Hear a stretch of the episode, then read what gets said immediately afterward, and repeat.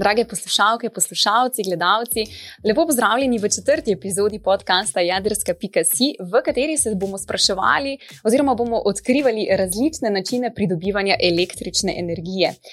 Prejšnjo epizodo smo se spraševali, kaj je energija oziroma kaj je električna energija. Danes pa bo na naše vprašanje odgovarjal Boštjan Blažič, doktor in redni profesor z fakultete za elektrotehniko, sicer pa tudi član društva Enlight. Boštjan živijo. Živijo. Mogoče prvo vprašanje, malce bolj kreativno. Če bi moral izbirati, katera elektrarna bi bil, katero bi izbral? ja, ne vem, se tu je zdaj kar hecno odgovoriti. Ja. Ampak če bi že mogel izbrati eno, bi najbrž izbral um, hidroelektrarno, po mojem. Hidroelektrarno, zakaj? Ja. Voda mi je pri srcu, nekako, to je ena stvar, uh, drugič gre za uh, relativno recimo, preprosto elektrarno, uh, pa, pa tudi tako okoljsko, mogoče je še najbolj sprejemljiva, oziroma ena izmed bolj sprejemljivih tehnologij. Čeprav v resnici, seveda, tudi umeščanje uh, hidroelektrarne v prostor ni, uh, ni enostavno. Težava je, mhm. seveda, z zajezitvijo in potem vplivom na življenje v tisti reki, habitat in tako naprej, kar je tudi problem. Ampak uh, glavni problem je, seveda, v tem, da nobena elektrarna ni super, vsaka ima svoje svetle in temne strani. Uh mhm. -huh. Nekateri jih imajo več, nekateri jih imajo manj. Da, če bi že mogel izbrati uh, najmanjše zelo, potem bi izbral hidroelektrarno. Cool. No, vidiš, jaz bi izbrala sončno elektrarno, um, pa ne iz nekih kompleksnih razlogov, ampak preprosto zato, ker sem rada na soncu. Da, uh, ja. Ampak upam, da se bom naučila tudi malo več o elektrarnah na splošno danes. Tako da se ti že na začetku zelo zahvaljujem, da si si vzel čas, uh, da boš odgovarjal na naše vprašanja. Pa bi se mogoče za začetek vrnila v preteklost in sicer v 19. stoletje, uh, ko smo v resnici dobili prvo komercialno elektrarno. Uh, ta je bila na premog in sicer. Um, smo ljudje v resnici na začetku posegli po fosilnih gorivih. Zdaj, moje vprašanje je, zakaj so elektrarne na premog najmanj kompleksne, um, je njihova izgradnja tako enostavna, oziroma kaj je pravzaprav razlog, da, se, začetku, da se je človek na začetku odločil na, za izgradnjo elektrarne na premog. Mm, ja, torej govorimo zdaj v bistvu o začetkih elektrifikacije. Ne, govorimo o obdobju praktično dobrih sto let nazaj, oziroma že kar 130 let nazaj, ko se je začel elektroenergetski sistem, današnji, ne, šele nekako razvijati, je bil še zelo po vojih.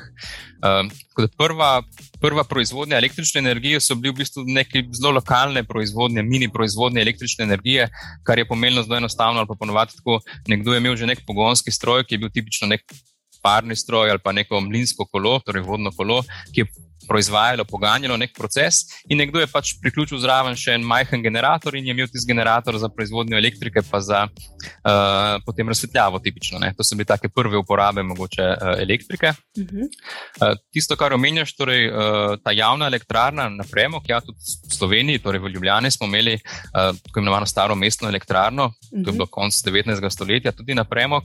Zdaj, zakaj premog mogoče? Pa niti ne bi rekel, da je bil to, da je elektrarna, torej ta termoelektrarna kot taka nekaj uh, prav posebno preprosta. V bistvu gre za dost uh, kompleksen stroj, torej tisto, kar je kompleksno, tle je pretvorba uh, te energije, ki jo ima para v neko uh, električno energijo na koncu. Jaz mislim, da je razlog bolj preprost, ne, da gre enostavno za razpoložljivost vira, torej kot energenta, mhm. Mhm. premoga kot energenta, ki je pač razpoložljiv, da se ga prepeljati na neko mesto, da se ga skladiščiti in da se ga tam uporabiti. Torej, če govorimo o hidroelektrarni, recimo na drugi strani, pač rabimo reko, rabimo zajezitev uh mhm. -huh. in tista poraba, vsaj takrat je mogla biti dosti blizu uh, proizvodnje.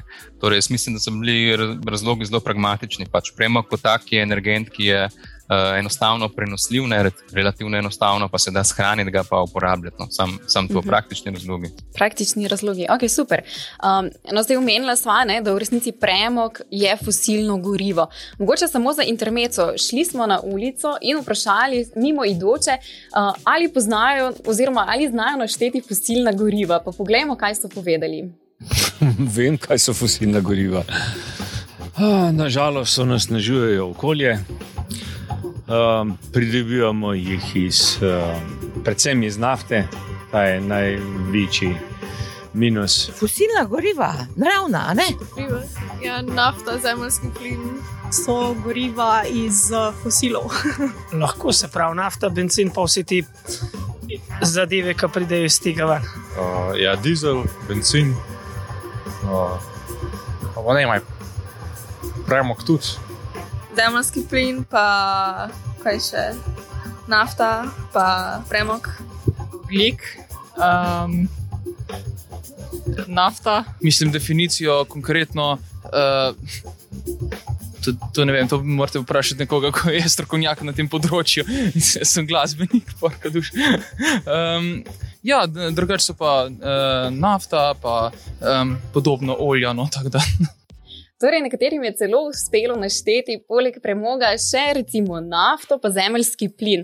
Um, mogoče vprašanje, naslednje vprašanje za Ante Boštjan.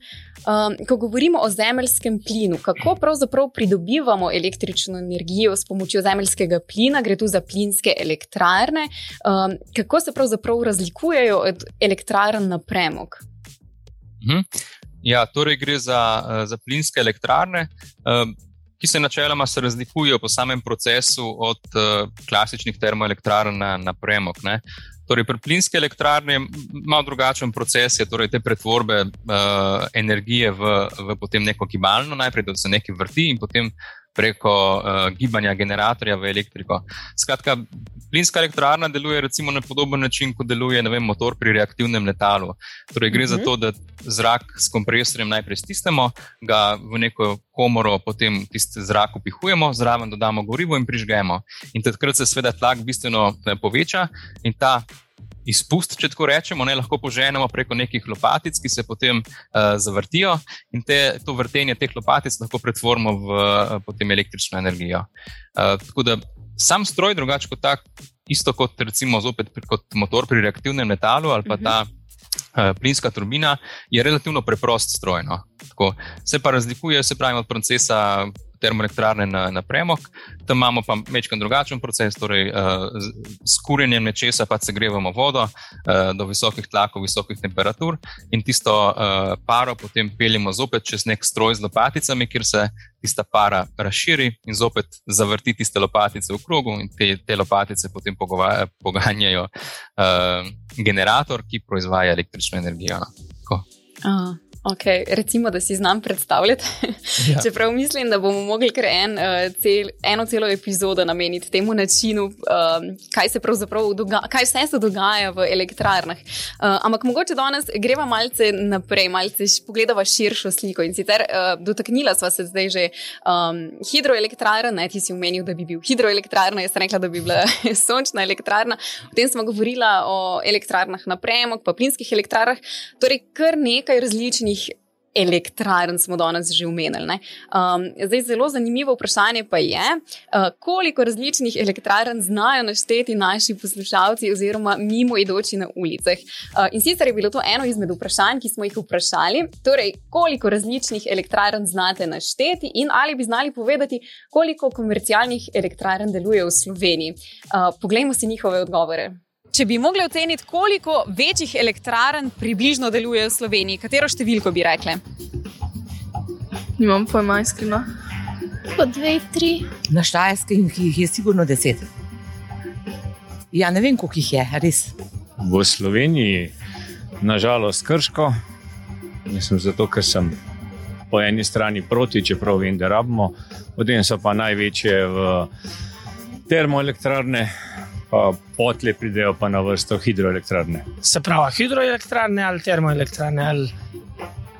Ja, mislim, da je še zmeraj ja, dobro. Jedrska je pač poglavitna, pa pa pač. Um, hidroelektrane, pa termoelektrane, zdaj dokler cajt bodo še imeli premog, ali bodo to samo tako. tako. Imamo uh, krško in potem en kup hidroelektrane, termoelektrane. Jedrska elektrarna krško proizvede 50%, kot vem pa pa še termo, polovico, pa hidro, polovico. Žončna elektrarna, um, vodna elektrarna, pa um, žončna elektrarna, pa tale vet, vetrna elektrarna. Mislim, da je samo ena, v Krškem. Bi znala uh, oceniti številko, koliko elektrarn deluje, večjih? Večjih. Uh, To je tako. Kaj, kaj, kako se definira večjo? 4-5? Um, ja, krška proizvaja. ne vem, po mojem, ne tri imamo, ne vem. Težko bo, ne. Kul 30, ne vem.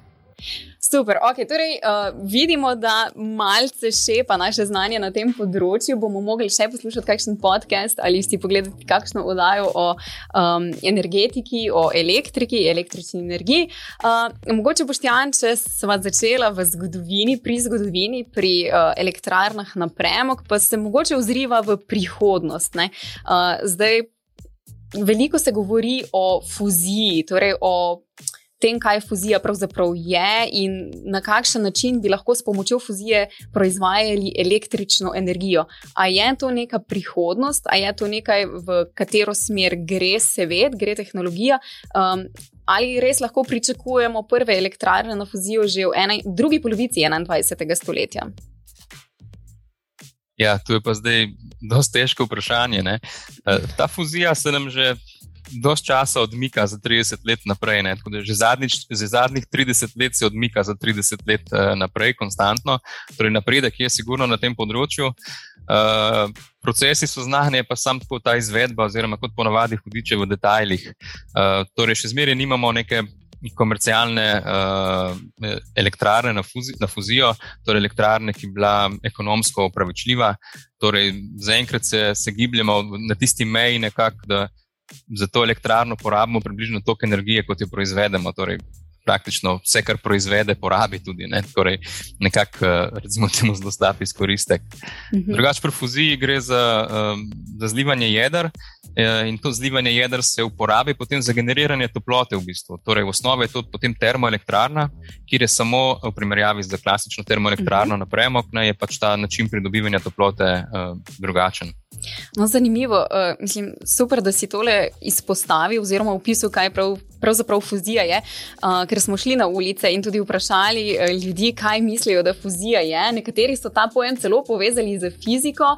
Uh, Oziroma, so povezali, da gre za neko spajanje, niso pa točno vedeli spajanje česa. Tako da mislim, da uh, vsi poslušalci vabljeni, da si pogledamo, kaj so povedali mimo idoči na ulicah o tem, kaj fuzija je. Sigurno si že kdaj slišal za izraz fuzija. Uh, bi znal mogoče povedati, kaj to je? To je pa spajanje nekih delcev. A ni to bolj že za bombe? Pa, pa lahko, to je po jugu kartah ena fuzija. Ne, nisem. Čakaj, ja. Um, sem sam zdaj nimam na, imam na jeziku, pa ne bi znal obrazložiti. Kaj pa to pomeni? Fuzija je pa um, spojina dveh snovi. Kot neko združevanje v različnih pomenih, uh, mislim, v različnih. Um, vedah se pojavlja. No? Mislim, da sem že enkrat v šoli. Mislim, pa bi znali povedati, kaj to je? Ja, zdaj trenutno se ne bom spomnil. Fuzijo, fizi, fizi, fi, fuzija, pa fizi. Ne. Nekaj tajnega, no, podoben. Ja. Rečemo, da sem slišal že za to, ja, združevanje jeder. Kaj pa je, ste kdaj slišali že za izraz fuzija? Ne. Torej, ne bi znali povedati, kaj to je. Okay. Uh, kaj je sigurno nekaj koristnega? Fuzija to je neka fi, fiz, fizika zadeva, kadar greš ta dva atoma skupaj. Super, no, torej smo se danes le nekaj naučili, če ne drugega, tudi to, kaj fuzija je, um, in tudi mogoče spregovorili o tem, uh, kakšna je prihodnost pridobivanja električne energije na ta način.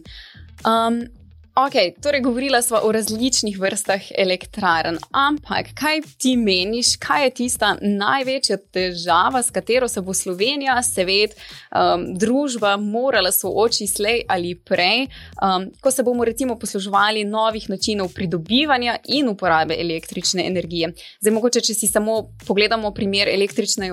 Električnega avtomobila ne, ni takšna težava, si predstavljam narediti električni avtomobil, ampak. En kup stvari, en kup problemov, težav je, ki jih ta električni avtomobil potem pripelje, ne, ne na zadnje, že potem polnjenje, cela infrastruktura. Torej, kaj je, če gledamo široko sliko, tista težava, ki nam bo predstavljala največji problem v prihodnje? Ja, zdaj, če se mogoče fokusiram na ta del energetike, ne, ker Mhm. izzivi so najbrž tudi če kje drugje. Mhm. Um, ampak uh, v vsakem primeru, zdaj, če govorimo o prehodu nekega, nekega sektorja, torej sektorja transporta na oskrbo z električno energijo, seveda govorimo o tem, da nek sektor, ki se je prej oskrboval iz fosilnih goriv, da bi zdaj šel uh, um, na električno energijo. Ne. Torej, gre Mhm. za veliko spremembo, ne gre samo za, za nek majhno porast porabe električne energije. Ne Vem, v Sloveniji, recimo, če bi, bila, če bi bil vse osebni promet elektrificiran, se pravi, vseh tistih milijon dvesto tisoč vozil, ki jih imamo, če bi bila električna, bi se recimo poraba gospodinstv slovenskih približno podvojila. Ne, tako za, za tak gabarit približno gre uh, velikosti. In seveda, zdaj vsaj dva izziva sta. Ne? Uh, za te električne avto je treba najprej zagotoviti energijske vire, sprav, iz kje dobimo električno energijo, in druga stvar, treba jih je priključiti na omrežje in to energijo spraviti od proizvodnih virov pa do električnega avta. Ne? Tako da viri pa omrežje, ta dva. Ta dva uh, izziva sta. Zato pa menjam ta gabarit velikosti. Ne? ne gre za to, da se bo odjem, recimo na področju distribucije, povečal za 3%, ampak Mhm. vsaj če govorimo tako o popolni elektrifikaciji, ne pač govorimo o znatnem povečanju odjema in preko obstoječega omrežja to ne bo šlo definitivno. Torej, nas čaka res uh, en kup izzivov. Mislim, ravno v prejšnji epizodi smo namreč govorili o tem, da se je poraba električne, energi električne energije že povečala, ne? uh, si pa verjetno niti predstavljamo, ne, kaj vse to pomeni, oziroma kakšne vse izzive kot družbi nam to potem uh, predstavlja. Uh, Ja, recimo tehnično so izzivi rešljivi, ne? ker konec koncev Mhm. elektroenergetski sistem smo kot ljudje postavili sami, torej vemo, kako deluje, znamo ga recimo temu upravljati, znamo ga tudi načrtovati. Kot tehnični izzivi kot taki so rešljivi, torej vemo, kaj je treba narediti, vemo tudi vsaj približno, koliko bi kaj stalo, seveda te so Mhm. različne opcije, ne? Mhm. različne rešitve z različnimi cenami. Zdaj, uh, ena stvar je enostavno uh, organizacija, da se znamo organizirati, pa da to uh, izvedemo. Druga stvar je seveda pridobitev finančnih sredstev, uh, nekaj bo to stalo. Uh, potem, ko pridobimo finančna sredstva, ponovadi se vprašamo, da zdaj imamo denar, kdo bo pa to izvedel. Mhm. Rabimo ljudi, ki bodo to načrtovali, umestili Kader. v prostor, zgradili. Mhm. In potem zadnja težava je, potem, da ugotovimo še, da bo treba nekatere stvari umestiti v prostor, kot je recimo nova povezava, mogoče nov kabel, nov transformator, kar je pa tudi uh, težava. Uh, ampak načeloma je stvar obvladljiva in rešljiva, ampak kot rečeno, mogoče finance so prvi problem, pa, pa Mhm. pride še kakšen drug mogoče. Uh, zdaj, glede na to, da je ravno obdobje mature in upisovanja študentov na fakultete, ne, uh, mogoče kot spodbuda, da očitno dela na tem področju ne bo zmanjkalo. Um, saj glede na to, kar si zdaj lepo povedal. Torej, mislim, da je področje energetike, elektrotehnike uh, področje, ki ne bo zastaralo, oziroma ki bo vedno potrebovalo nov usposobljen kader. Um, se strinjaš? Ja, popolnoma. Ja. Jaz moram reči, da ko sem, ko sem jaz začel na, na fakulteti, iz tega že kar nekaj nazaj, ne, da takrat uh, se mi je zdelo, da včasih se moramo kakšno težavo najprej spomniti in potem šele rešiti. Ne. Zdaj teh težav, težav z izmišljevanjem, težav nimamo več. Torej, no, ne bom rekel težav, ampak izzivov tega uh, je zelo veliko in še več jih bo. Uh, tako da glede uh, inženirskega kadra, zdaj ali na področju elektrotehnike ali pa energetike, obojo, je, Mhm. mislim, da, da tle uh, potrebe se večajo in bojo sam še, sam še večje. Uh, konc koncev, zdaj že nekaj let v bistvu že, je pomankanje teh, tega kadra, že pri nas v Sloveniji, recimo, tega popraševanja je zelo veliko.